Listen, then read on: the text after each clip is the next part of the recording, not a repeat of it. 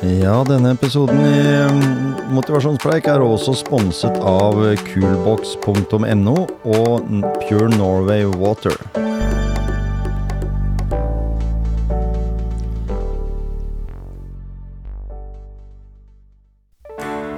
Og velkommen til en ny episode i Motivasjonspreik.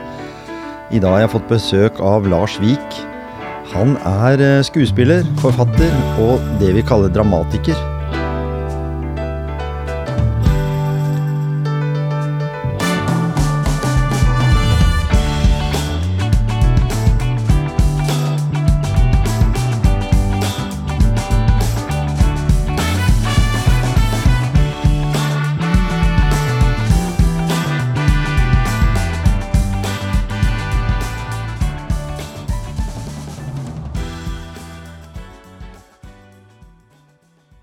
Velkommen, Lars Vik, til Motivasjonspreik. Takk, takk. Det var veldig hyggelig at du i et eh, stritt eh, program hadde en sjanse til å rive deg fra. Eh, Det var bra. Jeg har noen ganger hatt med dette her. Du er jo en 1958-modell. Riktig. Og hva, hva tenker du var den mest solgte bilen i 1958? Jeg vet at uh, fattern hadde en bil da jeg var liten, den aller første bilen vår.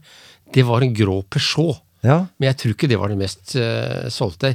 Jeg ville kanskje tro det var en, en folkevogn av en eller annen variant. ja uh, Bobla. Det som var veldig det, Bobla var på andreplass, men okay. uh, Volvo Ja vel, ja, selvfølgelig. Og Volvo hadde tre-fire modeller, men Ja. den mest kjente var Duett.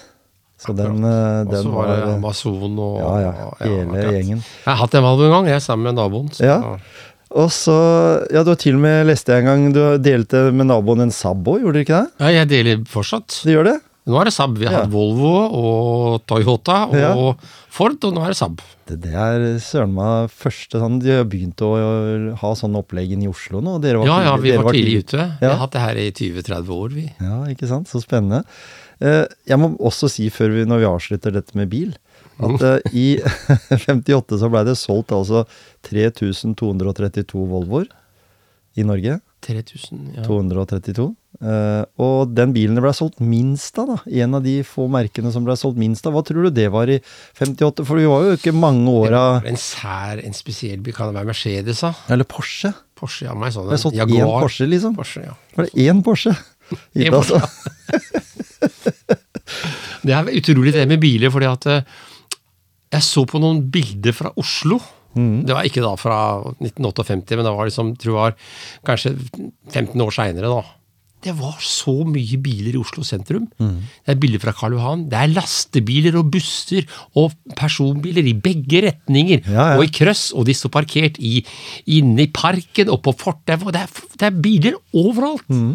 Det er helt utenkelig da at biltrafikken trafikken skulle reguleres sånn i Oslo sentrum. Ja, også i, og i dag som det er enda mer, hvis det Ja. hadde vært åpent. Tenk hvordan det hadde sett ut da. under bakken i Oslo. Ja, ikke sant? Men det var jo i den tida, når en er inne på dette, da, så tenker jeg det at i 1958 så, av, så kom du til verden. Men så avslutta vi også et bilprosjekt i Norge. Faktisk Troll? De gikk konkurs i 58. Var det Troll? Ja. Ja. Laga en De var for tidlig ute, de. Ja, egentlig. Det var det. De var vært 20 år for tidlig ute. Nemlig. Nytta ikke det, enda Norge lagde faktisk mye bildeler til uh, veldig mange, sånn som Volvo og, Ja. og de svenske bilene, og også nede i tyske Tyskland. Så vi har vært flinke på deler, men vi har ikke hatt he- helheten. Du er kjent som uh, skuespiller, mest kanskje, Mm. både fra TV og fra scenen. For de som er vokst opp eh, Kanskje Jeg kan huske at vi var på Arkaden en gang, som vi så sjakk og ludo. Arkaden? Ja, med barna våre var de jentene nå som er voksne, da. De var så små. Ja, nei, det, det var da tidlig på 80-tallet, da Ja, sikkert. ikke sant? Ja, midt på 80-tallet. Ja. Og det, det var da det begynte. 88, som jeg har fått med, finne ut. Da, var det, da kom du både med eh, sjakk og ludo, som for, for min generasjon var litt sånn klabb og babb, bare nå Mm, kom, ja. kom dere. Og så, og så var det Fridtjof Humlesen, ja, han overtok liksom han litt etter uh, sjakk og ludo, det stemmer det. ikke sant?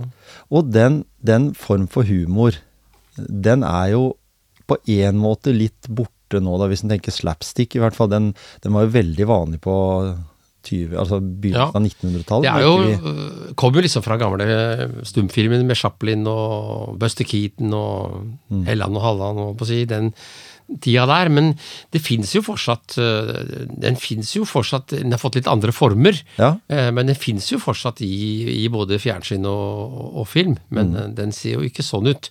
Og de er jo ikke så gode som uh. Buster Keaton var, f.eks.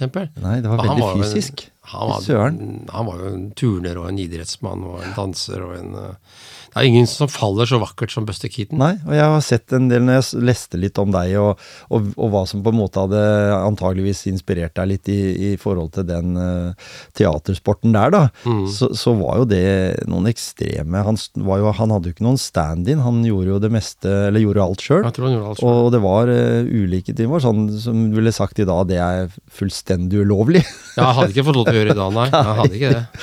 Men, men før vi liksom, når vi er inne på det der med Jeg syns den benevnelsen, før vi skal snakke litt om deg eh, Dette med eh, slapstick, det er eh, Opprinnelig så, så er det sånn eh, harlekin, eller altså fra gamle tider så hadde du en, en slapstick, altså en pinne, som du slo med. altså, Mhm. det var narren som gjorde dette for å på, på en måte framprovosere reaksjoner, da. Mm. Så, så det er jo en veldig gammel uh, greie fra sånn middelalderen, egentlig, som, som du Ja. gjorde, men da gjorde du det på den måten. Og, og når vi da sier at det, det står, uh, hvis en googler dette, da, så det er en film eller en komedie eller en farse med en overdrevent brutal vold. Eller enkel action som med komisk innslag. Ja, ja det, det er ganske, kan være ganske voldelig. Ja. Men det er litt sånn som i Donald, ikke sant? Tegnefilmene med Donald og co. Liksom Donald går i bakken, og Ja, han detter utfor stup og havner i, i vannet, og det, ja, altså snubler og slår kolbøtter, og Men han reiser seg alltid opp igjen, og fortsetter. Han kanskje med en bandasje rundt huet, men Mm. Han går videre, liksom. Så det var egentlig det samme Buster Keaton gjorde. Mm. Han havna aldri liksom i sykeseng i historiene sine når han, når han gikk på trynet. Nei. Eller på ratata. Det var opp igjen og videre. Det Ikke sant? Slags, at han nesten var uskadelig. ikke sant? Det var umulig å, ramme den på noe vis. Og det var, og det var litt sånn uh, i forhold til eh, barn, spesielt barn, syns det er kjempegøy å se Ja, dette. det, er jo, det er jo interessant, det der. der.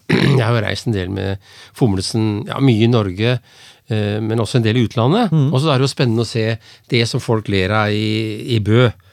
Ler jeg av det i København? Eller i Madrid? Eller i, i USA? Mm. Og det, jeg vil nok si at, at når barn ser en voksen mann i dress Ja, gå, snuble og falle, det er noe de liker. Det ler de av. Ja. Og det gjør foreldra deres òg. ja ikke sant? Ja. Ja, for hun jeg er gift med, hun sier det at hun kan ikke noe for det, men hun ler av sånne situasjoner. Og det var jo bestemor hennes sånn. Og hvis noen sklei på isen og datt, Ja, det er jo som morsomt. Som morsomt. så snu seg rundt, selv om de kjente Ja, ja, ja, ja, men da er jeg på akkurat samme som kona di. For at kona mi hun syns ikke at det er så morsomt. Nei. Når jeg ser på sånne videoklipp av folk som skal holde taler, og så detter de ned fra stolen, eller Ja, ja. bord og går på snøra ut i svømmebassenget, liksom. Det fins jo mange sånne klipp på, på YouTube. Ja. Det syns ikke kona mi er noe morsomt. Nei. Det ler jeg av. Ja. Og det ler kona di av Ja, også. og, og det er én sekvens jeg aldri glemmer, og det var ikke direkte sånn fall, men det var i en film som heter En fisk ved navn Wanda. Mm, ja, har jeg sett. Der ja. var det en dame som gikk med to hunder. Og, hun, og kona mi Kjersti er jo så glad i hunder, da. Vi har jo to sjøl òg. Og så var det en eller annen piano som datt fra liksom fjerde etasje rett oppå den ene hunden. ja. Og hun ler av det. Og hun bare går videre med den Ja, flatklemte ja. tafsa etter seg. Ja, ja. Jeg får tenke på det, så ler jeg det. altså. Ja, ikke sant? Det var, eh, Og det er så morsomt. En film kan bare inne... Groteskt. Ja, der har du det der med voldelig. Ja. Voldelig innslag. Ganske voldelig, men det kan også faktisk være morsomt. Ja. Men jeg, jeg ser jo også det at en mann som faller, det er noe, det er noe dypt tragisk over også. Mm. Fordi at du, kan si da mister du jo all anseelse. Statusen din blir plutselig kraftig redusert. Ja. En mann som ligger og kaver på fortauet. Uansett om han er konge eller president, han ser jo bare hjelpeløs ut. Ja. Og der, der har vi jo vært i Kanskje alle har vært i den situasjonen. Ja. Selv om du er i en sånn i rolle, da, når du, når du tar på deg klærne til Fridtjof Humlesen, så, så må jeg jo si sjøl, her senest for litt siden når det var dårlig brøyta, så sykler jeg alltid Mm. til og fra jobb og sånn. Og da var det sånn at jeg kom borti høgga her, og så var det en snøfonn. Og jeg har sånn fatbike med store hjul, så jeg tror jo sjøl at jeg kan komme fram overalt. Men det gjorde jeg ikke. også, og da hvelva jeg bakover på sykkelen og landa på ryggen, og det var rett ved Porsgrunnsveien. Ja. Der er det jo biler går tett i tett. Det jeg var mest opptatt av, det var jo ikke hvorvidt jeg hadde slått meg, eller Nei. fortelle litt sånn. Var det noen som så det? Ja. Ingen må ha sett meg. Jeg så et klipp med Bruce Springsteen her om dagen. Mhm. Han er jo en, en flott mann, selv om han begynner å komme opp i åra. Det her var noen år siden, dette klippet, men han har da en sånn scene hvor han spiller for 80 000 publikummere, og så har han en sånn derre En gang ut blant sånn s- som, eh, Platting som går ut blant publikum, og når han skal tilbake fra den, så er det to skritt opp på scenen til resten av bandet. Og der tryna han når han var ferdig Ja, med verset. På vei opp på scenen. Og da plutselig ligger mannen der, vet du, og, han, og de stormer til for å hjelpe nå. Men han, han ser jo bare like hjelpeløs ut som alle andre. Da var han ikke noe boss lenger da. Nei. Og det blir, det blir liksom litt sånn som en sel som havna på ryggen. Ja, ja. Liksom du, for du, får, du tenker alle mulige var, og, han vet jo at det var i hvert fall 80 000 som sånn. Og nå er det på YouTube, så Ja. er det 80 millioner. Ikke sant? Fortell litt om oppveksten din. Ja, jeg har altså vokst opp i, i nabostrøket her, holdt jeg på å si. Ja. Litt lenger utover i elva, på Mollhaugen i Porsgrunn. Mm. Og jeg var vel egentlig eh, Hadde en veldig aktiv barndom, tror jeg. Var veldig sånn var mye uteliv og leking og fotball etter skolen og Altså, jeg syns alltid at løkkefotball var morsommere enn den organiserte. Ja. Så jeg var med å organisere et lag som het Lyn. For det var et annet lag på vestsida som het Torden. Mm. Så da skulle vi være Lyn. Og vi trena på Moldhaugen på de som heter Larsmaren. En sånn liten løkke. Som Og de, for de som er kjent da, eller ikke er kjent da, i, det er på vestsida. Det er like ved høyhusa, liksom. Ja, ikke sant? Egentlig, det er akkurat der hvor elva svinger som mest, så det er egentlig rett overfor rådhuset der. Ja. Og Der var det en løkke ytterst der. Mm. Der bodde det også et, et gammelt par som het Lars og Maren en gang. Ja. De var borte da jeg var liten, men plassen het Lars og Maren. Ja. Ja, så var jeg med i eh, guttekorps, Porsgrunns siste guttekorps. Det var ikke så moro, kanskje. Eh, spilte jeg mye bandy på vinteren på vestsida. Jeg likte å stå på skøyter. Eh, forsvar. Jeg har alltid vært i forsvar, både i fotball og bandy. Ja. Men jeg dreiv aldri til noe idretts... Altså, jeg var nok telemarksmester i bandy noen ganger, men det var ikke så mange lag, da. Nei, nei. Eh, Så jeg var aldri så veldig god. Jeg kom vel aldri egentlig inn på Jeg var bare innbytter på A-laget til Pors. Det er liksom litt synd å se på den her bandy, hele bandykulturen er jo på en måte borte. På grunn av at isen er borte. Ja. Og jeg var allerede interessert i ishockey, så det, det var ikke greia mi. Nei, for bandy var jo Porsche spilte jo i toppserie, eller det som var toppserien i Mm. Ja. bandy. Men det gjorde Da- faktisk Brevik òg. Ja, ikke sant? Det er helt utrolig. Og så hadde Borg noe som lå i Og Eidanger hadde jo andredivisjon, så det var liksom De isa ned fotballbanene sine. Ja, de Jeg husker dem. du spilte jo bandy på vestsida, så har du vel også nede ved skolen der. Det var der det en bane, ikke sant? Der var, sto de fedrene og sprøyta på med brannslanger om kvelden. Ja. Og neste morgen så lå isen der. Og det husker jeg snakka med Ingrid Kristiansen, hun har hytte på Kotøya. Mm. Og der var det Breviksbeltet inni den her eh, dammen innafor der. Ja, hadde ja. de mye kamper. For, for det var ofte at vi, vi dro på sånne tjern og sånn, for, å, for å finne tidlig Jeg gikk på Kverndammen. Det ligger jo i Skien, faktisk. Ja, Eh, eller iallfall halvparten av den. ja ikke sant? Der gikk vi på bandy. Nei, og Så kom jeg da inn i amatørteatret. Det var nok litt viktig i Porsgrunn amatørteater. Jeg Ja. var 10-12 år gammel og fikk vel veldig sansen for det. Jeg debuterte som andre havhest i Tarmare by. Ja. Hit et steg, og dit et steg. Vandrer jeg nu på skoleveg.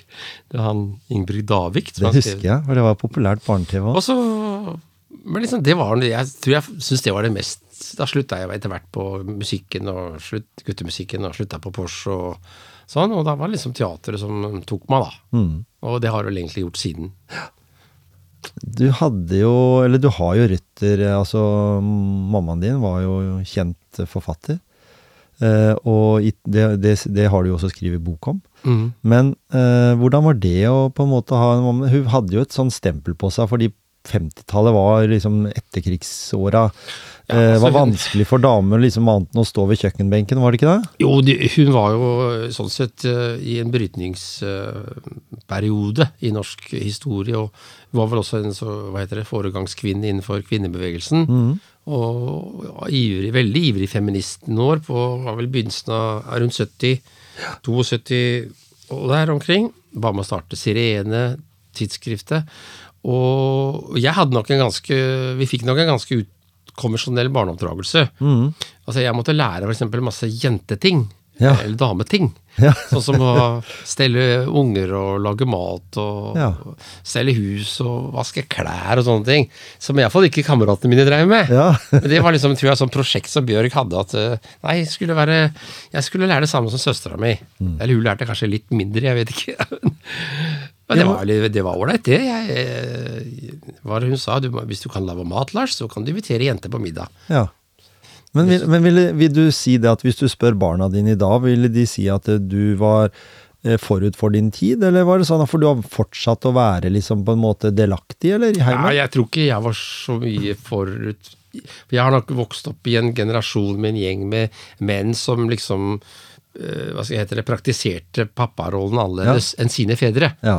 Så jeg, jeg skilte meg litt noe særlig ut i, i, i vårt miljø, tror jeg. Men, men i forhold til forrige generasjon, så liksom, Nå er det jo helt vanlig å se unge fedre gå rundt med barnevogner med små barn oppi. Ja. Og sitte på kafé eller på, i parken med dem. Det var ikke så vanlig da jeg hadde, var småbarnsfar. Nei. Og jeg syns det er fantastisk egentlig å se hvordan det har endra seg. Ja, for jeg har jo Hvordan menn da ikke Ja. Ikke bare at mannsrollen er annerledes, men hvordan menn tror jeg får et mye, mye bedre forhold til barna sine. Det tror jeg De blir bedre kjent med dem fra, fra de er små av. Mm. Menn kan ikke amme, men de kan faktisk gjøre alt det andre. Ja, egentlig.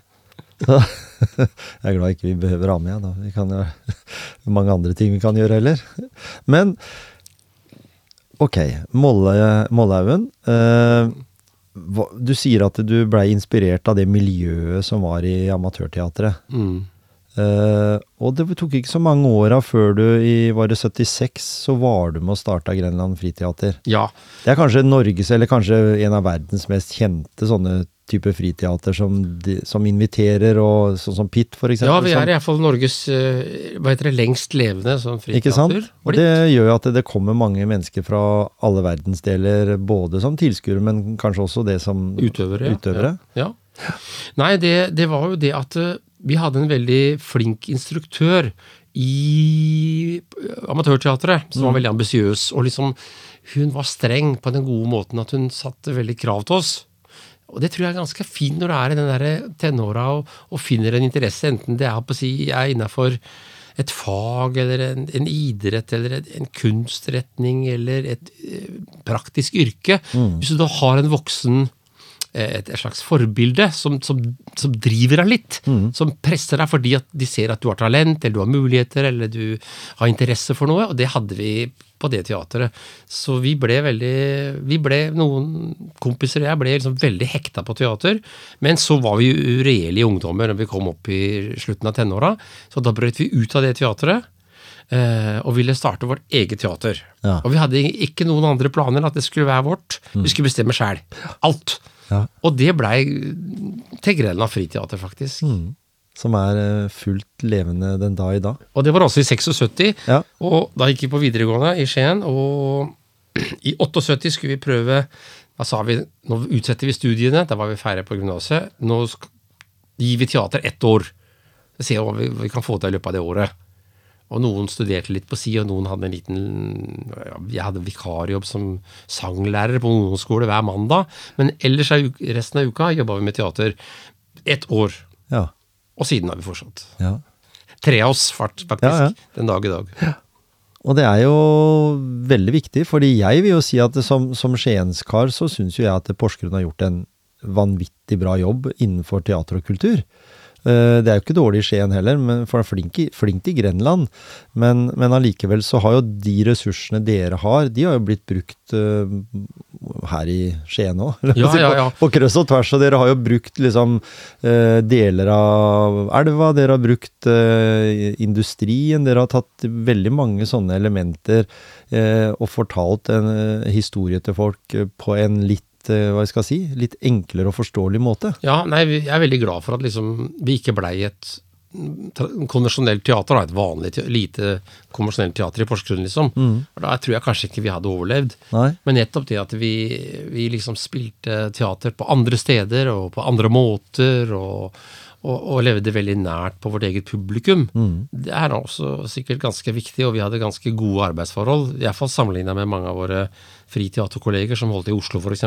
Ja. Dyrt og kummerlig og mange om bein og alt sånt. I Porsgrunn hadde vi jo ganske god arbeidsro, for å si det sånn. Og så har jo måte hele Grenland og for så vidt også Telemark blitt arbeidsområdet vårt. Og vi er jo litt sånne eh, som kommer dit hvor folk vil ha oss òg, da. Hvis de ringer fra Drangedal og sier når vi vil lage spel her, så kan det godt hende at vi kan få til det, liksom. Eller på Rjukan skal de lage noe om industri. Ja, vi kan kanskje gjøre det. Ja.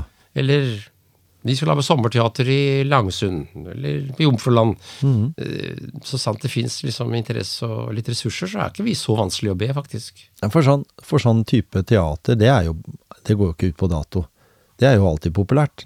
Ja, hvis du treffer, så er det jo det. Ja, ikke sant? Det men det er jo interessant det der at sånn teater som vi spiller nå, selv om du sier at vi kanskje spiller litt uvanlig teater, så er det allikevel Teater er teater. Og det ser ganske likt ut sånn som det gjorde i Hellas for uh, 3000 år siden, når de Ja. spilte greske tragedier der nede. Det er noen mennesker på en scene som forteller en historie til noen som sitter og ser på. Og du kan godt legge på masse lys og lyd og effekter, men det er egentlig veldig likt.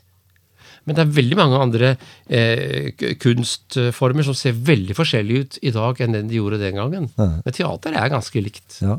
Og, når, og, og når dere starter opp eh, Porsgrunn internasjonale teaterfestival, da er det alltid noe som kanskje ikke har så mye med teater, men som er spektakulært. Dere har et fyrverkeri. Ja, og så, ikke sant, og du lager teater på gata. Ja, Så du bare går forbi, og hvis den artisten er god, så stopper du opp. Det koster deg ingenting. Du kan legge en, en eh, skilling i hatten, men det forventes ikke at du gjør det. Nei. Og så må den være så god at du blir stående og se på den, eller de. Eh, parader som går gjennom byen, du kan ikke unngå å legge merke til dem. Konserter, fyrverkeri, nattestid. Eh, liksom forsøke Vi har forsøkt å ja, gjøre hele byen til en scene, da. Og, og du trenger ikke gå inn på et hus, pent antrukket, ha masse penger, vite hvordan du oppfører deg, ha kulturell danse for å se våre greier. Vi vil at det skal være mye lavere terskel, iallfall på mye av det vi gjør. Ja. Og det tror jeg har vært, uh, vært viktig for oss, og det har fungert sånn at da har vi jo faktisk også fått det som heter helt nye publikumsgrupper. Ja. Og det er teater og kunstfolk er veldig opptatt av dette her. Vi må noen nye grupper.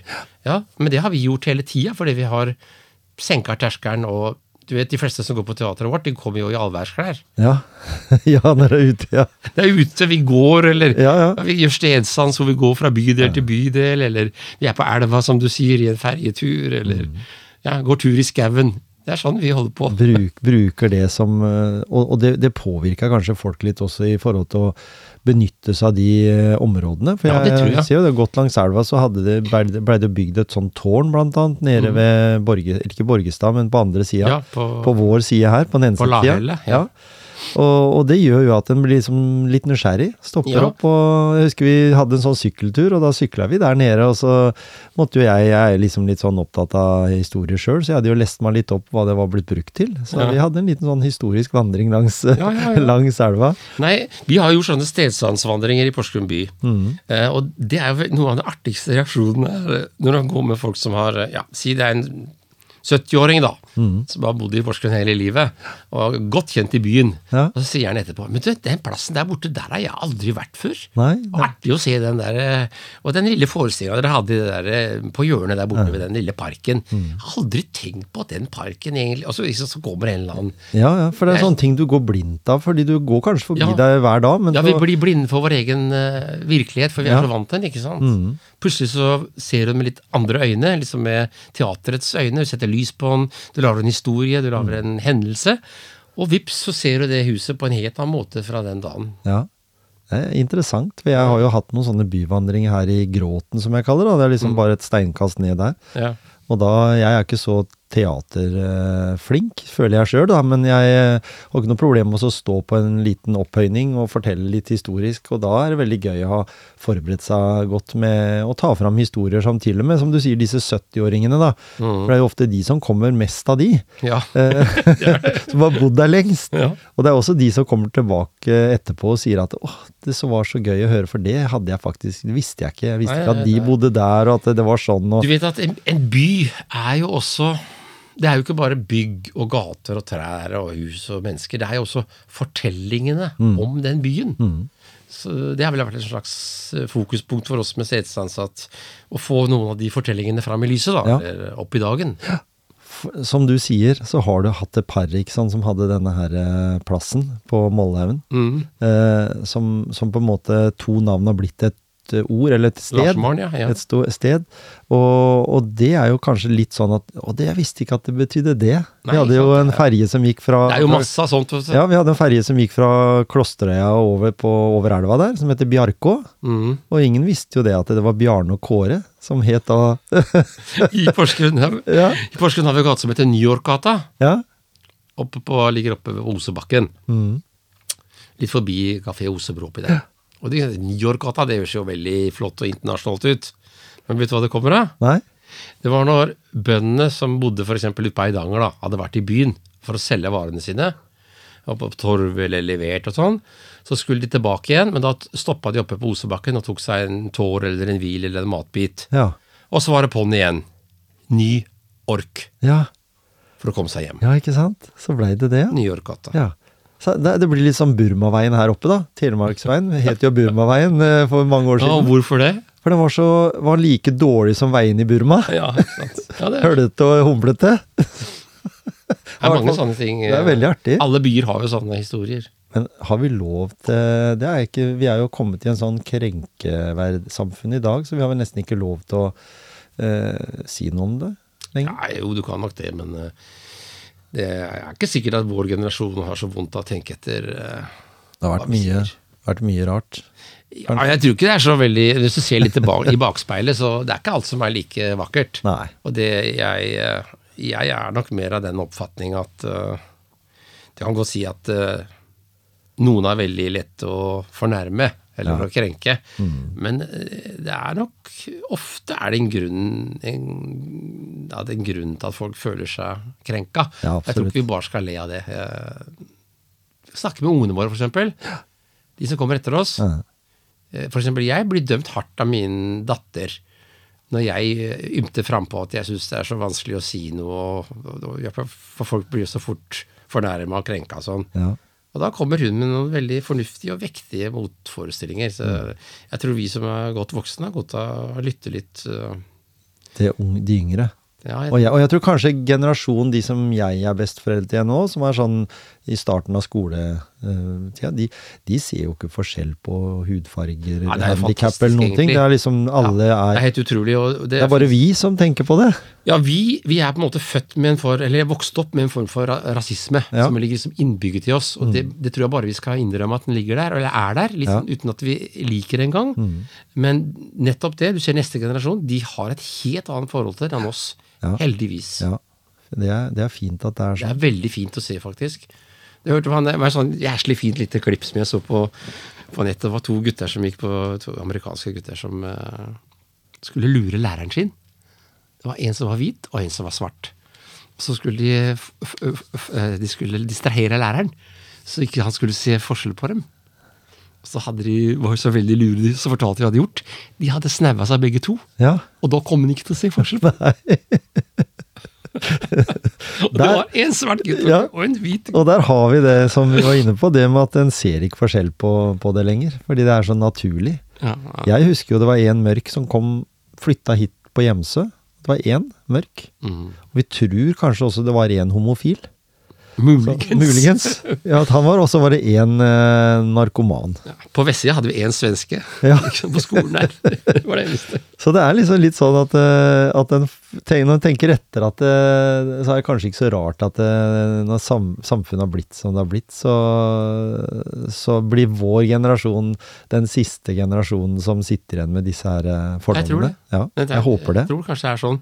Jeg, jeg kom på en venninne av meg som uh, sa det her er mange mange år siden. Sa, eh, hun sa uh, ja, folk er så bekymra for alle innvandrere som kommer til Norge. Alle slags mulige folk i alle slags, alle slags farver.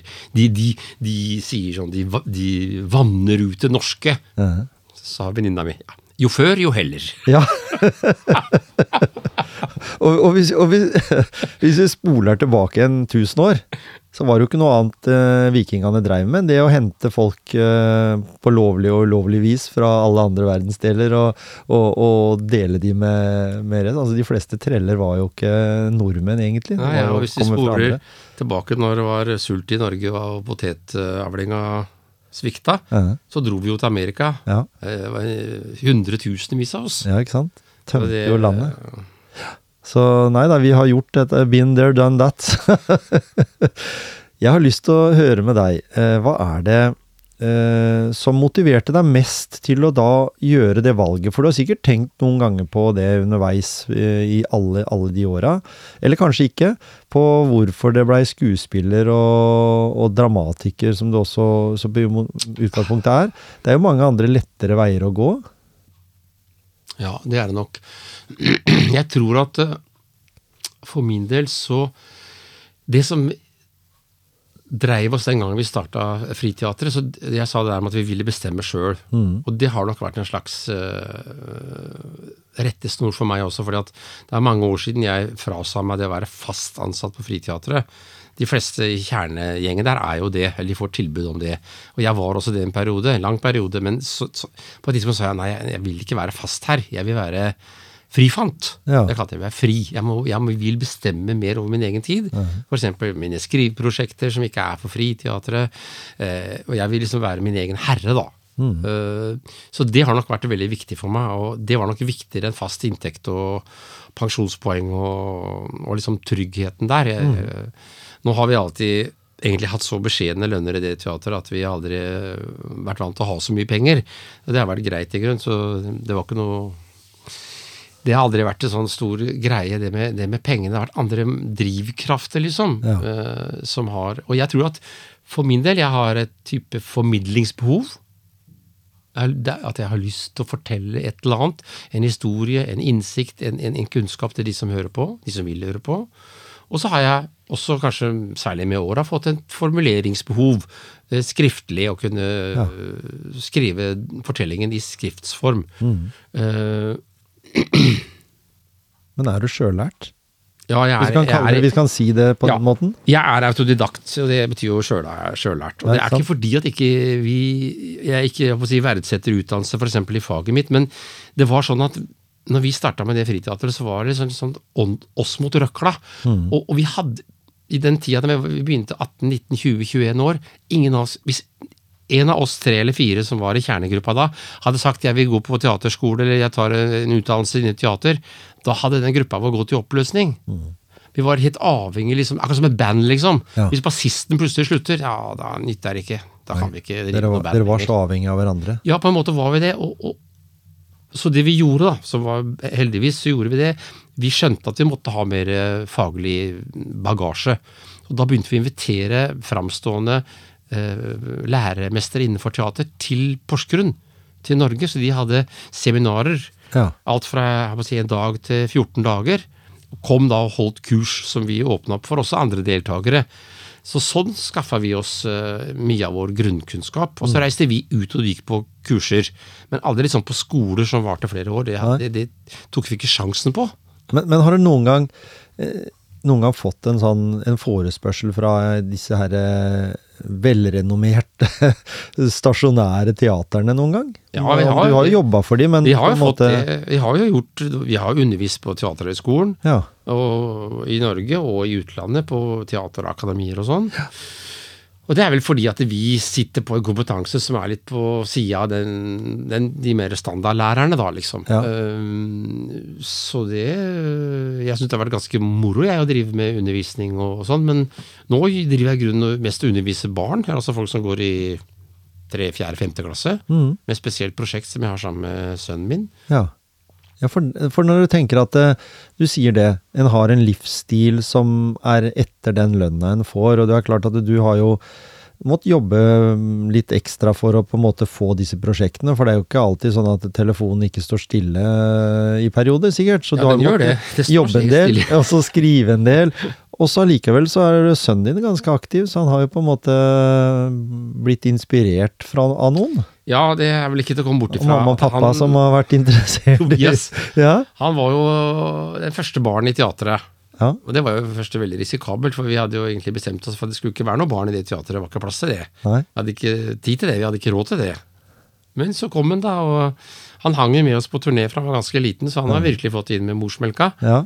Så det var kanskje ikke så rart at han havna der, men eh, det var ikke noen plan fra vår side. Nei. Og dattera vår er jo blitt arkitekt, så hun har jo ikke Ja. noe Hun er langt vekk fra Iallfall et stykke vekk fra teater. Ikke sant? Men eh, en har på en måte Dere har kanskje inspirert barna deres til å på en måte gjøre riktig valg? Eller altså på en det- måte det er bli kjent til, med seg selv? Ja, ikke sant? Følge, følge lysten, Ja. mer enn plikten eller liksom tvangen fra noen andre. Ja. Det tror jeg nok. Det, det er jeg glad for. fordi at eh, jeg tror det er veldig viktig at når man er eh, i den fasen hvor man skal velge retning her i livet, Mm. så kan du må ikke tenke på hva er sikkert, eh, hvor tjener jeg mest, Mm. hvor får jeg mest oppmerksomhet. Du må tenke på hva har du lyst til, hva liker jeg å gjøre, hva er det jeg brenner for. Mm.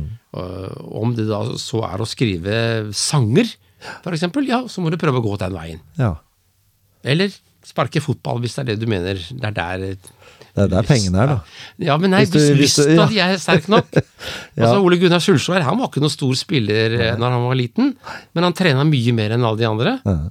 Han hadde den lidenskapen, ikke sant? Eller Kasper Ruud, eller eh, ja, Morten Hark, jeg vet da søren, ja. Det er mange folk som ikke har noe formell skolering, men som har greid seg rimelig bra her i livet. Når jeg sier ordene lidenskap og entusiasme, er det mm. noe eh, som stemmer for deg? Ja, eh, entusiasme syns jeg jo er et veldig viktig ord. Eh, Og jeg elsker jo å møte folk som har entusiasme. Ja. Og jeg husker en av mine store leseropplevelser i, i ung alder. Det var en samling av Jan Erik Vold som ikke var dikt, men den het 'Entusiastiske essays'. Ja. Og da skriver Jan Erik Vold om andre diktere. Ja. Og han er jo så begeistra for diktere og for poesi. Han formidla det på en så fantastisk måte som var veldig presis uh, tittel på den boka. 'Entusiastiske essays'. Ja. Uh, så, så det er et viktig ord. Og selvfølgelig, jeg har en lidenskap for teater. Altså, det, det er bare å innrømme, Vel så hadde jeg jo ikke holdt på med det. Det er ikke det at jeg er så innmari flittig teatergjenger. Jeg ser ikke på alt mulig som kommer til Grenland. Nei? I Ibsenhuset på Teater Ibsen og, og friteater. Ikke engang på friteatret ser jeg alt.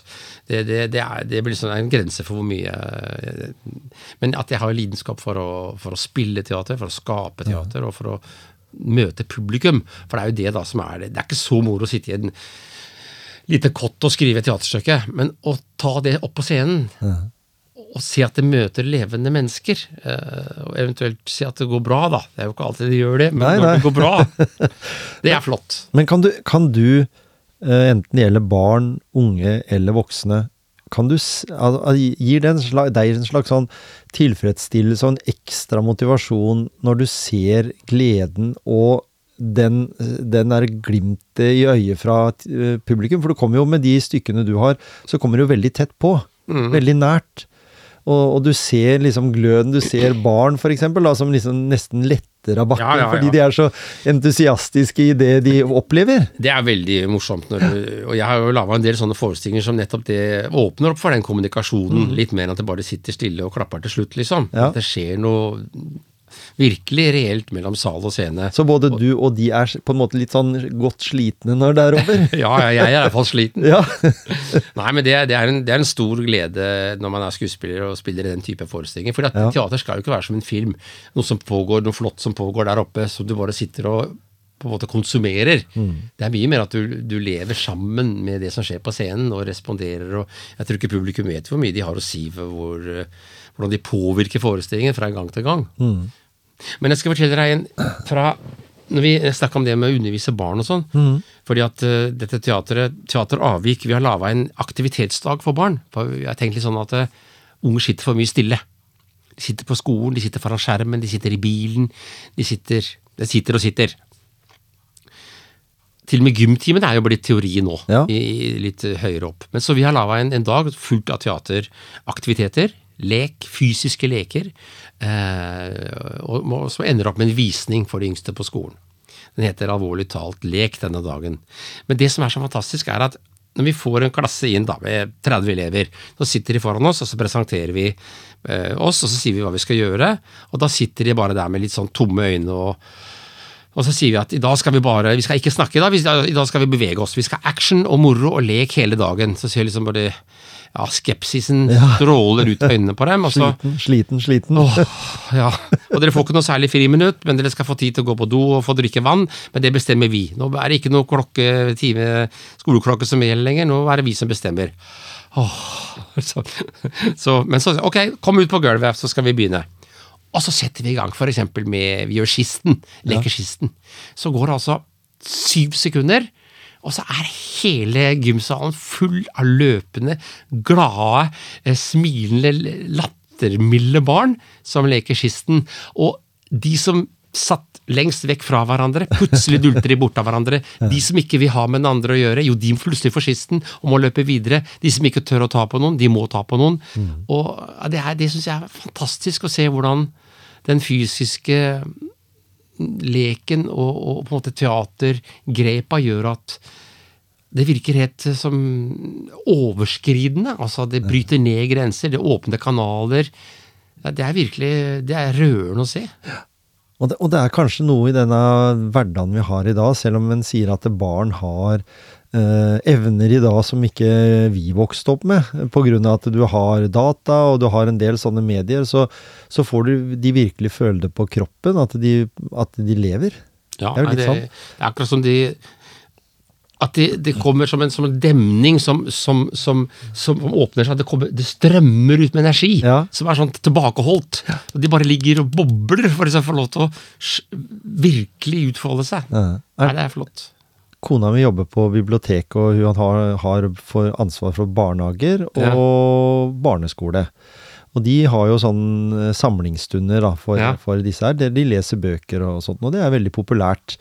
Tror du at den form for jeg kaller det analog kommunikasjon er viktig for oss? Nei, jeg tror vi blir aldri Det tror vi aldri kommer til å gå av moten. Nei? Går sikkert opp og ned, men det er akkurat som det er jo den gamle Da vi i steinalderen satt rundt leirbålet og hadde spist den der eh, hjorten vi hadde fanga, Ja. eh, og ikke, det var ikke tid for å legge seg ennå, hva gjorde man da? Jo, man fortalte historier. ja. Ting du hadde opplevd, eller sang du hadde hørt, morsomheter, eh, eventyr, whatever. Og den, den liksom den derre Akkurat den der, der altså fortellingens kraft, den tror jeg lever eh, absolutt videre. Det er jo det samme når du ser en, en serie eller en film. Det er jo en fortelling som er tenkt ut av et menneske. Ikke kanskje rundt et bål, men foran en dataskjerm eller en skrivemaskin. Eh, men det, essensi, s- s- kjernen er jo den samme. Det er for, fortellingens magi. Og det er når du leser høyt for et barn, og det er en historie som ruller opp, det kan være en bitte liten historie, men du sier at barnet får jo Jeg tror nesten alle barn fascineres av de. ja. Stimulerer også fantasien. Og vi har jo sånne små, enkle teaterforestillinger på Teater Aviks repertoar, som bare er sånn fortellerteater, som er fire-fem eventyr som er hekta sammen. Én mann forteller uten noen eh, utstyr i det hele tatt. En liten eh, ukulele og en bjelle, det er alt som skal til. Ja. Avvik, eh, dette teatret ditt, hva er det det er? Det er et Teater? Stort, det er et stort teater, Av eller? Vik. Ja, ikke sant? Og så er det Avvik, det er annerledes. Ja. Og så er det Telemarks nest minste. Ja. Hva er det minste? Ja, det er det alle skal spørre Ja. om. For da er vi i gang med en samtale. For at, eh, det vet jeg jo ikke, men jeg tenker at eh, de som bare er én, da, enmannsteater, Ja. de er mindre enn oss. For vi er, sønnen min jobber fulltid der, og jeg jobber kanskje 20% så da er vi 1,2. Ja, ikke Da er vi nest minst. Ja. Og når vi snakker om teater, da, det som er det største, så er vel det Teater Ibsen, er det ikke det? Som vi har her I, i, Telemark, ja. Telemark. Jo, i, i økonomi. Ja, i økonomi. Der har du Ikke i også antall publikum. Men du har stått på scenen der òg? Ja, jeg har både vært eh, si, instruktør og Jeg spilte Carlsson der en gang. Ja. Nei. Vi har gjort flere samarbeidsprosjekter, på Friteatret og Teater Ibsen, og det skulle jeg ønske vi kunne gjøre mer av. Men det er ikke alle teatersjefene for å si det sånn, der oppe som er interessert i det. Nei. For det er de som bestemmer hva, hva teatret skal gjøre. Ja. Og jeg syns det er veldig fint at eh, sånne kulturinstitusjoner kan gå sammen av og til og si, bevise at én pluss én er tre. Mm. For vi har jo gjort noen store ting sammen, og det, det er sånn som ikke vi greier på, på egen hånd. ja. Det var senest, Vi var vel på et teater der, eh, Myren av Epp, eller noe sånt. Ja, ja, som ja, var der oppe, Som var sånn humoristisk. Litt sånn eh, spanske flueopplegg. Mye løping og ut og inn og Ja, ja, ja. få, få t- skuespiller. Jeg, jeg blei litt sliten, jeg, men eh, det, det er noe, var noe meg. Sånn er det. Jeg har lyst til å høre med deg om du har noen sånne enkle tips for en eh, ja, la oss si tenåring da, som syns at dette med teater er gøy, men alle andre rundt seg de spiller fotball og driver med sånne aktiviteter. Hva, hva skal han, han eller hun gjøre? Hva tror du? For det første så vil jeg si at øh, det fins flere muligheter. Mm. Og hvis du er interessert i teater, så er du heldig at du bor i Grenland. For Mm. her er det faktisk en hel del ting du kan hekte deg på. Ja. Og det ene er jo Vi f.eks. på Friteatret vi har starta noe som vi kaller for Mandagsakademiet. Og det er at vi gjør forskjellige kurser for unge mennesker som er interessert i scene, scenisk framføring, enten det er dans eller skuespilleri, eller for så vidt sang også. Og gi dem en slags skolering. Eh, og så har de muligheten for da å bli med i noen av våre produksjoner hvor vi trenger mye folk og sånn. Ja. Opptrinn, masseopptrinn. Nå skal vi gjøre mm, en sommernattstrøm av Shakespeare mm. til sommeren. Der skal vi ha med unge folk, og vi har hatt audition. Og eh, folk i tenåra som vi har plukka ut der. Og vi gjør stedsans hvor vi trenger eh, aktører. Og det er iallfall et sted å begynne, å henvende seg til oss. Så er det jo Amatørteatret, som har også ganske folk opp mot, mot 20, tror jeg, som både er med i Porsgrunn Amatørteater, Telemark barne- og ungdomsteater og Bue barneteater. ja. Det er iallfall tre, og så har jo Jannicke Abrahamsen gjort sånn show, uh, jubileumsshow på Ibsenhuset. Det var med masse unge amatører. Ikke sant? Det er mange flinke unge folk i fjorden vår, men jeg tror kanskje at de, de trenger et sånn eh, sted hvor de kan utvikle seg videre. Ikke bare lage forestillinger, men hvor de kan skaffe seg litt sånn grunnkunnskap. Og det er der vi prøver å komme med møte med dette Mandagsakademiet. Så bra. For når, du, når du sammenligner det med å være aktiv og interessert, blir den blir den mottatt eh, godt i sånne miljøer? Altså, for det er jo det som ofte er utfordringen. Sier at du skal melde deg inn i noe, så ja, men jeg kjenner ingen, eller eh, det er vanskelig for meg fordi jeg, er, jeg føler at jeg må vente litt, eller altså du har alle disse unnskyldningene da, for ikke å, å bli med. Men blir du liksom tatt imot fordi du er en viktig brikke eh, Jeg tenker på skuespillere, og jeg aktører sånn. Det er jo ikke så lett å sette pris eh, karakter på seg sjøl, men jeg opplever nok at eh, i hvert fall teateret vårt er veldig, veldig inkluderende hvis du først kommer og viser interesse.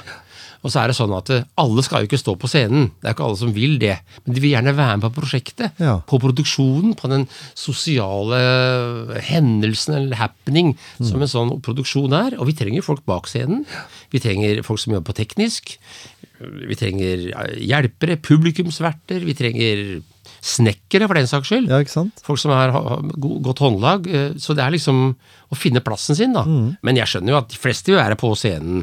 Og, og der får veldig mange av de som kommer til oss, får sjansen til det. Ja. Men de må møte opp.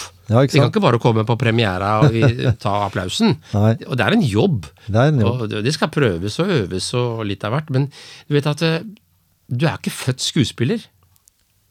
Det er noe du kan lære deg. Mm. Til og med om du syns det er flaut å stå på en scene, det kan du også lære deg å bli av med.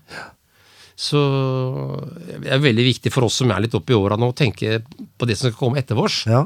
Og vi har jo ikke tenkt å dra opp den berømte stigen. Tvert imot, vi, vi ruller ut flere stiger så folk skal komme i gang og klatre oppover. Det er, det er sant. Og, og, og når en da er inne i dette her med å, å, å komme inn i det miljøet, da, tenker jeg eh, Noen mennesker er jo veldig opptatt av hvilken posisjon de får eh, i jobb, i, i yrkeslivet ellers, da, utenfor skuespiller. Så, så ser jeg et økende problem i det at eh, du søker deg en jobb, og så er kanskje arbeidsgiveren din ikke så veldig interessert i hva du egentlig kan. For de stiller aldri det spørsmålet. Du ser på en CV hva de har jobba med. Ja. Men hva er det du egentlig kan? Eh, gjør man det i teaterverdenen? Altså, sånn som du sier, eh, kan det være at en, en som er kjempeflink på snekring, da, eh, ikke blir spurt om det, så han blir eh, satt til å være vert isteden? Liksom? Men er det Ja, viktig for dere å kommunisere? Jeg håper, jeg, håper, håper jeg virkelig at vi gjør det. Det må være noe poeng at du ser folk og Men selvfølgelig, du må jo melde litt sjøl òg, da. Jeg er kjempegod til å spille blokkfløyte. Du må jo bare få det fram, du må ikke holde det hemmelig. Nei, ikke sant? Men, men for det er jo, i samfunnet i dag så er det jo litt sånn Vi ser jo personer bli satt til å være ledere for et et eller annet firma, da, så nei, jeg har jo søkt på den daglige lederjobben. Jeg er ganske flink til å kommunisere med andre mennesker, men da skal jeg sitte med regnskap. yeah. Hvis du tenker sånn. Ja, ja. Eh, samfunnet da er jo litt sånn derre Hvor god er jeg egentlig? Mm.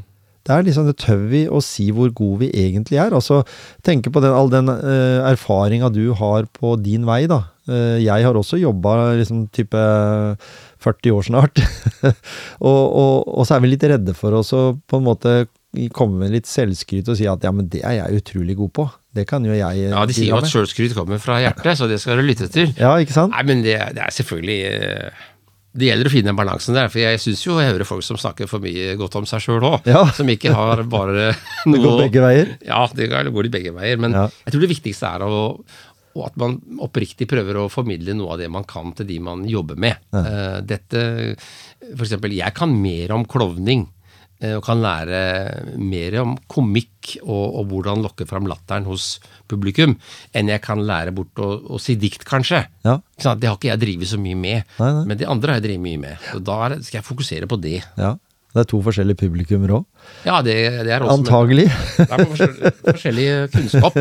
Men, men når vi snakker om eh, dette her sånn mot slutten her, så du er jo eh, også i benevnelsen det som heter dramatiker. Mm. Det er liksom på høye Det er jo det samme som Shakespeare og Ibsen var òg. Ja, på en måte. passe. Hvis en sier at det er samme, ja, altså samme i, i samme kategorien. Det er flott ord. Ja, er ikke det? Veldig fint. Ja. Det var, det var sånn så Jeg hadde en eh, som heter Stian eh, i podkast tidligere, og han uh, var poet. Eller han skrev, skriver dikt, da. ja. Men han er jo da sto også benevnelsen bak han, så sto det poet. Og det høres jo veldig mye er finere ut enn å være dikter. Men Nei, jeg, men jeg er jo litt sånn altmuligmann. Jeg er jo litt Ja. potet. Så, men alt har på en måte med teater å gjøre. Altså, jeg eh, spiller teater, og jeg instruerer teater, og jeg skriver teater. Mm. Uh, selv om jeg har skrevet en bok, uh, biografi om, om mora mi, så er det liksom teater som har vært mitt virkefelt. da. Ikke sant? Jeg driver sånn vekselbruk, det er ganske fint, skjønner Ja, det er veldig fint. Eh, når du har vært på turné og spilt masse skole, skoleforestillinger, så er det fint å komme hjem og være helt i fred og skrive ditt eget. Ja. Og så er du ute og underviser en annen uke. Det er fint. Det er, sånn, det er en fleksibel hverdag. Ja. Men når du, når du da kommer i den eh, situasjonen der du skal skrive noe, eller du trenger å bare uh, jekke deg ned litt, eh, hvordan lader du? Vet du hva? Det er, jeg driver med to ting, egentlig, som, som, som lader meg. Det ene er at jeg er veldig glad i å svømme. Ja, Så jeg går og svømmer i kommunale svømmehaller. Det gjør jeg i grunnen både når jeg er på turné og når jeg er hjemme. ja, Så her i Porsgrunn veksler jeg mellom eh, Porsgrunnshallen og Fritidsparken, da. Ja, Uh, og så får jeg badstue etterpå, det er jo liksom premien. Uh, jeg svømmer ganske langt. Jeg svømmer ikke fort, men jeg svømmer langt. Eh, og det andre er å gå. ja. Jeg er blitt veldig glad i å gå. Ikke veldig fort, men, og det bør ikke være så innmari langt heller, men å gå istedenfor å ta bilen eller sykkelen. ja. Det har jeg fått mer og mer sansen for. Eh, Jeg prøver faktisk å skrive en bok om det nå. Ja, ja. Fordi jeg synes det, så, det er så fascinerende, akkurat det med, med, med gåing. Og da mener jeg gåing i vid, i vid forstand. Mm. Altså ikke bare det å gå for helsa skyld, liksom sånn, men- men hvorfor går vi så Hvordan er det vi går? Ja. Hvordan går vi? For du går forskjellig fra meg. Faktisk er det, eh, I England har de forska på at eh, å bruke gangart som ID ja. Fordi alle går høyst personlig. Mm. Akkurat som fingeravtrykket ditt er personlig, og håndskriften din, så er gangarten din. Det er bare du som går som deg. Ja. Det er bare enegga tvillinger, som går helt likt. ja. Alle andre Du går forskjellig fra faren din nå, Ja, selv om du har arva trekk fra han eller fra mora di. Eh, så dette her interesserer meg. Det er veldig jo også- interessant. Dette er det, skjønner du. Det, selvfølgelig, det har nok litt med å gjøre med at jeg kommer fra, fra scenen. Ja, ja. Men eh, ikke sant, jeg skal fortelle en historie fra England. En gullsmedbutikk hadde en overvåkingskamera. Så ser jeg kommer en fyr over gata. Ser ikke ansiktet hans. Det singler i ruter. Og så er det bilde at han løper av gårde med sekk over ryggen. Masse verdier er borte. Og de tror de vet hvem det er. De tar den. Setter den i varetekt. Men de har ikke noe bevis, for han skjulte ansiktet sitt. Og han nekter. Så de har egentlig ikke noe fellende bevis på han. Helt til en fyr som sitter, en fangevokter, eller hva det heter, fengselsbetjent, sitter og ser på overvåkningskameraen i, i fengselet der hvor han sitter. Så ser han at han, der kommer den mistenkte kjeltringen gående gjennom korridoren.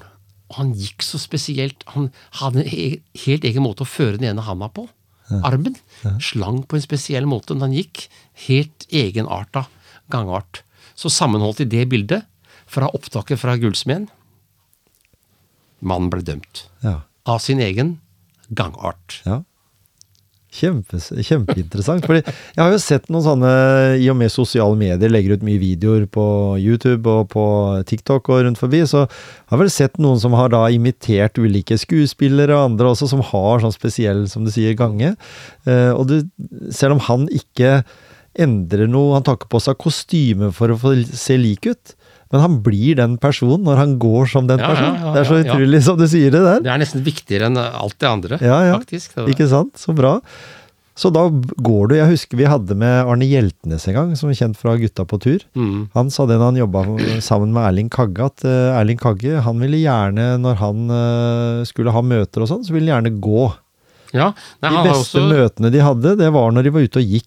ja, nei, det du vet at eh, han som eh, Steve Jobs, som, som starta Apple, som, Ja. som hjernen Apple, han ville ha gåmøter. Mm. Fordi at han mente at det var lettere å løse kreative problemstillinger når du gikk. Ja. Så han hadde med seg team og gikk tur. ja, ikke sant? Og det jeg skulle ønske både på teatret, jeg har prøvd å få til det på teatret vårt, og vi har hatt noen gåmøter, men det er, det er ikke alle som er like begeistra som meg, da, og, eh, for det. Eh, Men eh, nå har jo f.eks. min kjæreste og kollega Geddi og jeg har laga et opplegg som heter en vandring som heter Solvitur ambulando. Og vi går en slags en gående teaterforestilling. Ja. Og Solvitur ambulando betyr altså det ordner seg mens du går. Ja. Og det gjør det jo ofte. Hvis jeg har et problem, et kreativt problem, la oss si vi har et kreativt problem. Jeg vet ikke hvordan jeg skal løse den scenen, eller skrive den replikken, eller ja. Så, så åh, jeg prøver, prøver, prøver, prøver, jeg får ikke til. Nei, ja, så legger jeg det fra meg, så går jeg en tur. Og jeg tenker ikke mer på det. Nei. Og vips, i løpet av den turen, det kan det dukke opp helt uten fra ingen sted, uten at jeg har jobba for noe som helst. Jeg har bare gått. Det er som hjernen har jobba på egen hånd. Og den, at du har satt kroppen i bevegelse, at pulsen øker, at hjertefrekvensen osv. Så, videre, så kommer en løsning. Mm. Så produserer du sikkert eh, enkelte stoffer i kroppen da, Ja, som på en måte stimulerer akkurat den lille haka som ikke du får løsna av hjemme. Fascinerende, altså. Ja. Det der, eh, ja. Og det er derfor det, Steve Jobs vil ha gåmøter, vil jeg tro. Ja, Og det er derfor de gamle filosofene i Hellas de gikk jo rundt de gjorde jo det. med, med elevene sine. Det var jo sånn det var. Ja, De foredro på den måten. Da har vi en sommernatts drøm fra Grenland Friteater. 30. mai til 8. juni, for de som har lyst til å oppleve det. Ja, den skal Spennende. jeg eh, instruere. Ja, Det tror jeg blir en veldig livlig og morsom Shakespeare-oppsetning. I det fri, i det som heter 100-meterskogen i Porsgrunn. ja, Eller på Sunnjordet der. ja ikke sant? Det er veldig Jeg sykla mye forbi der, for det er, veldig, det er jo en av de få traseene i uh, grenlandsområdet som har både gang- og Og sykkelsti hver for seg. Endelig. Ja, det burde det vært overalt, mener jeg. Ja, Porsgrunn har vært mye flinkere enn Skien der, det må jeg si. Ja, jeg syns bare at det, hvis, de, hvis politikere vil at Porsgrunn og Skien skal samarbeide bedre Ja, det, det, det første de skulle gjøre, var å lage en eh, sykkel- og gangsti fra, langs elva fra Porsgrunn til Skien. ja. Hvorfor i all verden kan de ikke greie det? samme som den som de har bygd på Herøya, egentlig. Der har du liksom Det begge kan da ikke deler. være så vanskelig. Nei. At det her virker De syv kilometerne er liksom en helt over, uoverkommelig oppgave. Ja. Nei, det er trist. Det, Jeg, jeg har sagt det til mange andre, og jeg hadde til og med hatt eh, lederen for Grenland sykleklubb her. Eh, og vi har diskutert det mange ganger. Jeg sier at hvis jeg skal sykle på dagens eh, sykkelsti mellom Skien og Porsgrunn, for jeg gjør det innimellom Mm. Når en kompis på Elvespeilet, så sykler du til han, og så en kaffe, og så sykler jeg hjem igjen. ja. Det er jo ikke noe, noe vei i det hele tatt, sånn egentlig. Men jeg har 27 utkjøringer med bil som, kom, som jeg må bremse for.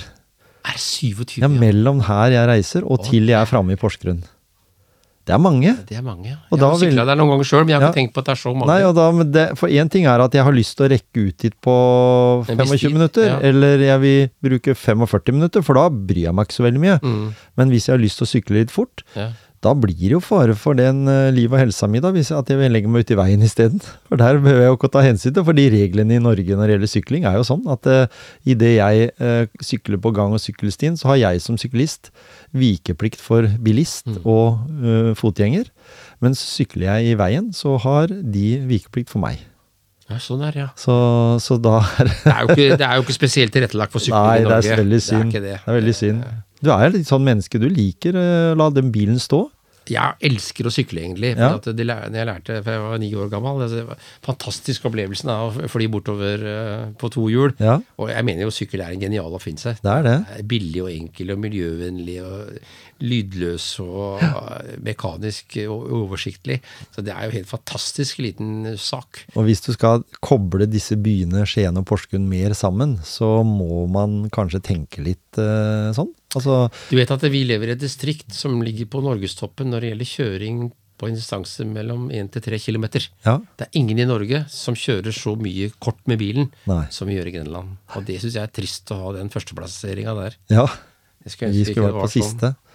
Ja, du vet, vi blir Jeg tror at det å kjøre bil, å ha bil og kjøre bil, du, du blir avhengig. Det er en Ja. form for avhengighet. Det er en slags uh, eh, narkomani i forhold til bil. Automani. Ja. Det er veldig vanskelig å la være å ta bilen Ja. når det er så lett å sette seg inn i den og svippe ned til kiosken, eller bort til butikken, eller opp til skolen. og- Folk kjører jo ungene sine til skole og barnehage nå. Ja. De gjorde ikke det før, ikke sant? Jeg ble aldri kjørt noe sånt. Nei, jeg kan ikke huske jeg gjorde nå det. har forskere funnet ut at unger som går eller sykler til skolen, de er i bedre humør enn de som blir kjørt. Nemlig. Det er to ting jeg har hørt om skolen, nemlig. Det ene er de som, som du sier, går eller sykler til skolen, og at den har måltid på skolen med mat. Det er Det er de to tinga som er viktige for at en skal føle seg mer lugn. Da, da, og, og det er jo, I Danmark har de forska på det der, og faktisk plassert gymtimer helt først. Ja. Istedenfor uh, her som de har helt sist. Det er veldig smart. Er da får du ut den energien energien Ja, som, du, som du trenger. Kommer rolig ungene kommer Ja. til klasserommet og er klare for å fylle opp i hjernen. Og, Mattetimen, vet du, som er det kanskje den verste for mange, den må du jo aldri ha i første time. Nei. For de som blir kjørt, og det er hektisk, og mamma og pappa de stresser for de skal rekke på jobb, og så er det vanskelig å finne plass utenfor skolen og Ja, ikke Nei, det, Nei, det kunne du snakka mye om. Veldig artig at du tar opp dette temaet med gange, Lars. Det, det gleder jeg meg til. jeg håper det blir en bok, at Ja. den ser eh, dagens lys. Det, Ja. det høres litt rart ut å skrive om å gå, men det, det har faktisk vært mer interessant å gå inn det, i det temaet enn jeg hadde trodd til å begynne med. Ja, jeg har jobba sjøl med et bokprosjekt som uh, heter uh, Uh, En analog verden i en digital uh, Nei, en analog hverdag i en digital verden. Jaha, Jeg ja, tenker at vi har jo Hele verden vår er bygd opp rundt digital teknologi. Det der er en undertittel. Ja, Du må ha en bedre tittel. ja. ja. Det er en bra undertittel. For de har lyst til å si at det, det å lage pinnebrød med oppskrift, jeg syns det er på en måte noe folk bør lære. Det er så lettvint, og det er dette jeg, jeg har en historie inni hodet mitt der eh, eldstedattera vår Vi arrangerte bursdag, og vi arrangerte den i skogen. Mm. Fyrte opp bål. Alle disse her barna de kom med foreldre som syntes det var litt sånn kjelkete å levere Ja, midt ute i skogen. rart dette det passa ikke helt inn, men når de først var der, så er det den bursdagen de husker. Ikke Ja, den ikke på. McDonald's Ja, eller ja, ja, ja. eller på klatreparker eller noen ting. Det var den inne, ute i, Ja. inne i naturen. Med ulike oppgaver å løse der inne, og maurtuer og, og myggstikk og alt. Så, så dette er å føle det på kroppen sånn, det, det var viktig for de òg. Det å grille pølse med pinne. Det er jo glimrende. Sånne ting. Det mener jeg er vår analoge verden som vi, vi glemmer litt uh, i dag. At vi glemmer de elementene. Og der synes jeg, derfor så syns jeg det var veldig stas at du kom hit. Og det er jo det som gjør at teater er så levende framfor uh, Selv om film også går an, så, så får Ja, ja, du ingenting jeg som er så direkte som at eh, når du går alltid fra et teaterstykke, enten det er du på scenen eller andre, så føler jeg at det, dette må jeg gjøre mer. Det er liksom noe som bygger seg ja, ja, ja. Det er, det er jo ikke noe bedre enn det, men eh, da må du bare være hjertelig velkommen Ja. på Shakespeare eh, i siste dagen i mai til våren, og så spiller vi i to uker. Da, det du kan glede deg til. Veldig spennende. Tusen takk for at du blei med i Motivasjonspreik. Takk for at jeg fikk komme. Det var artig å kunne snakke om så forskjellige og interessante ting. Ja. Og så håper jeg at folk har blitt bedre kjent med deg også, sånn for din egen del, hvis det er nødvendig. Tusen takk.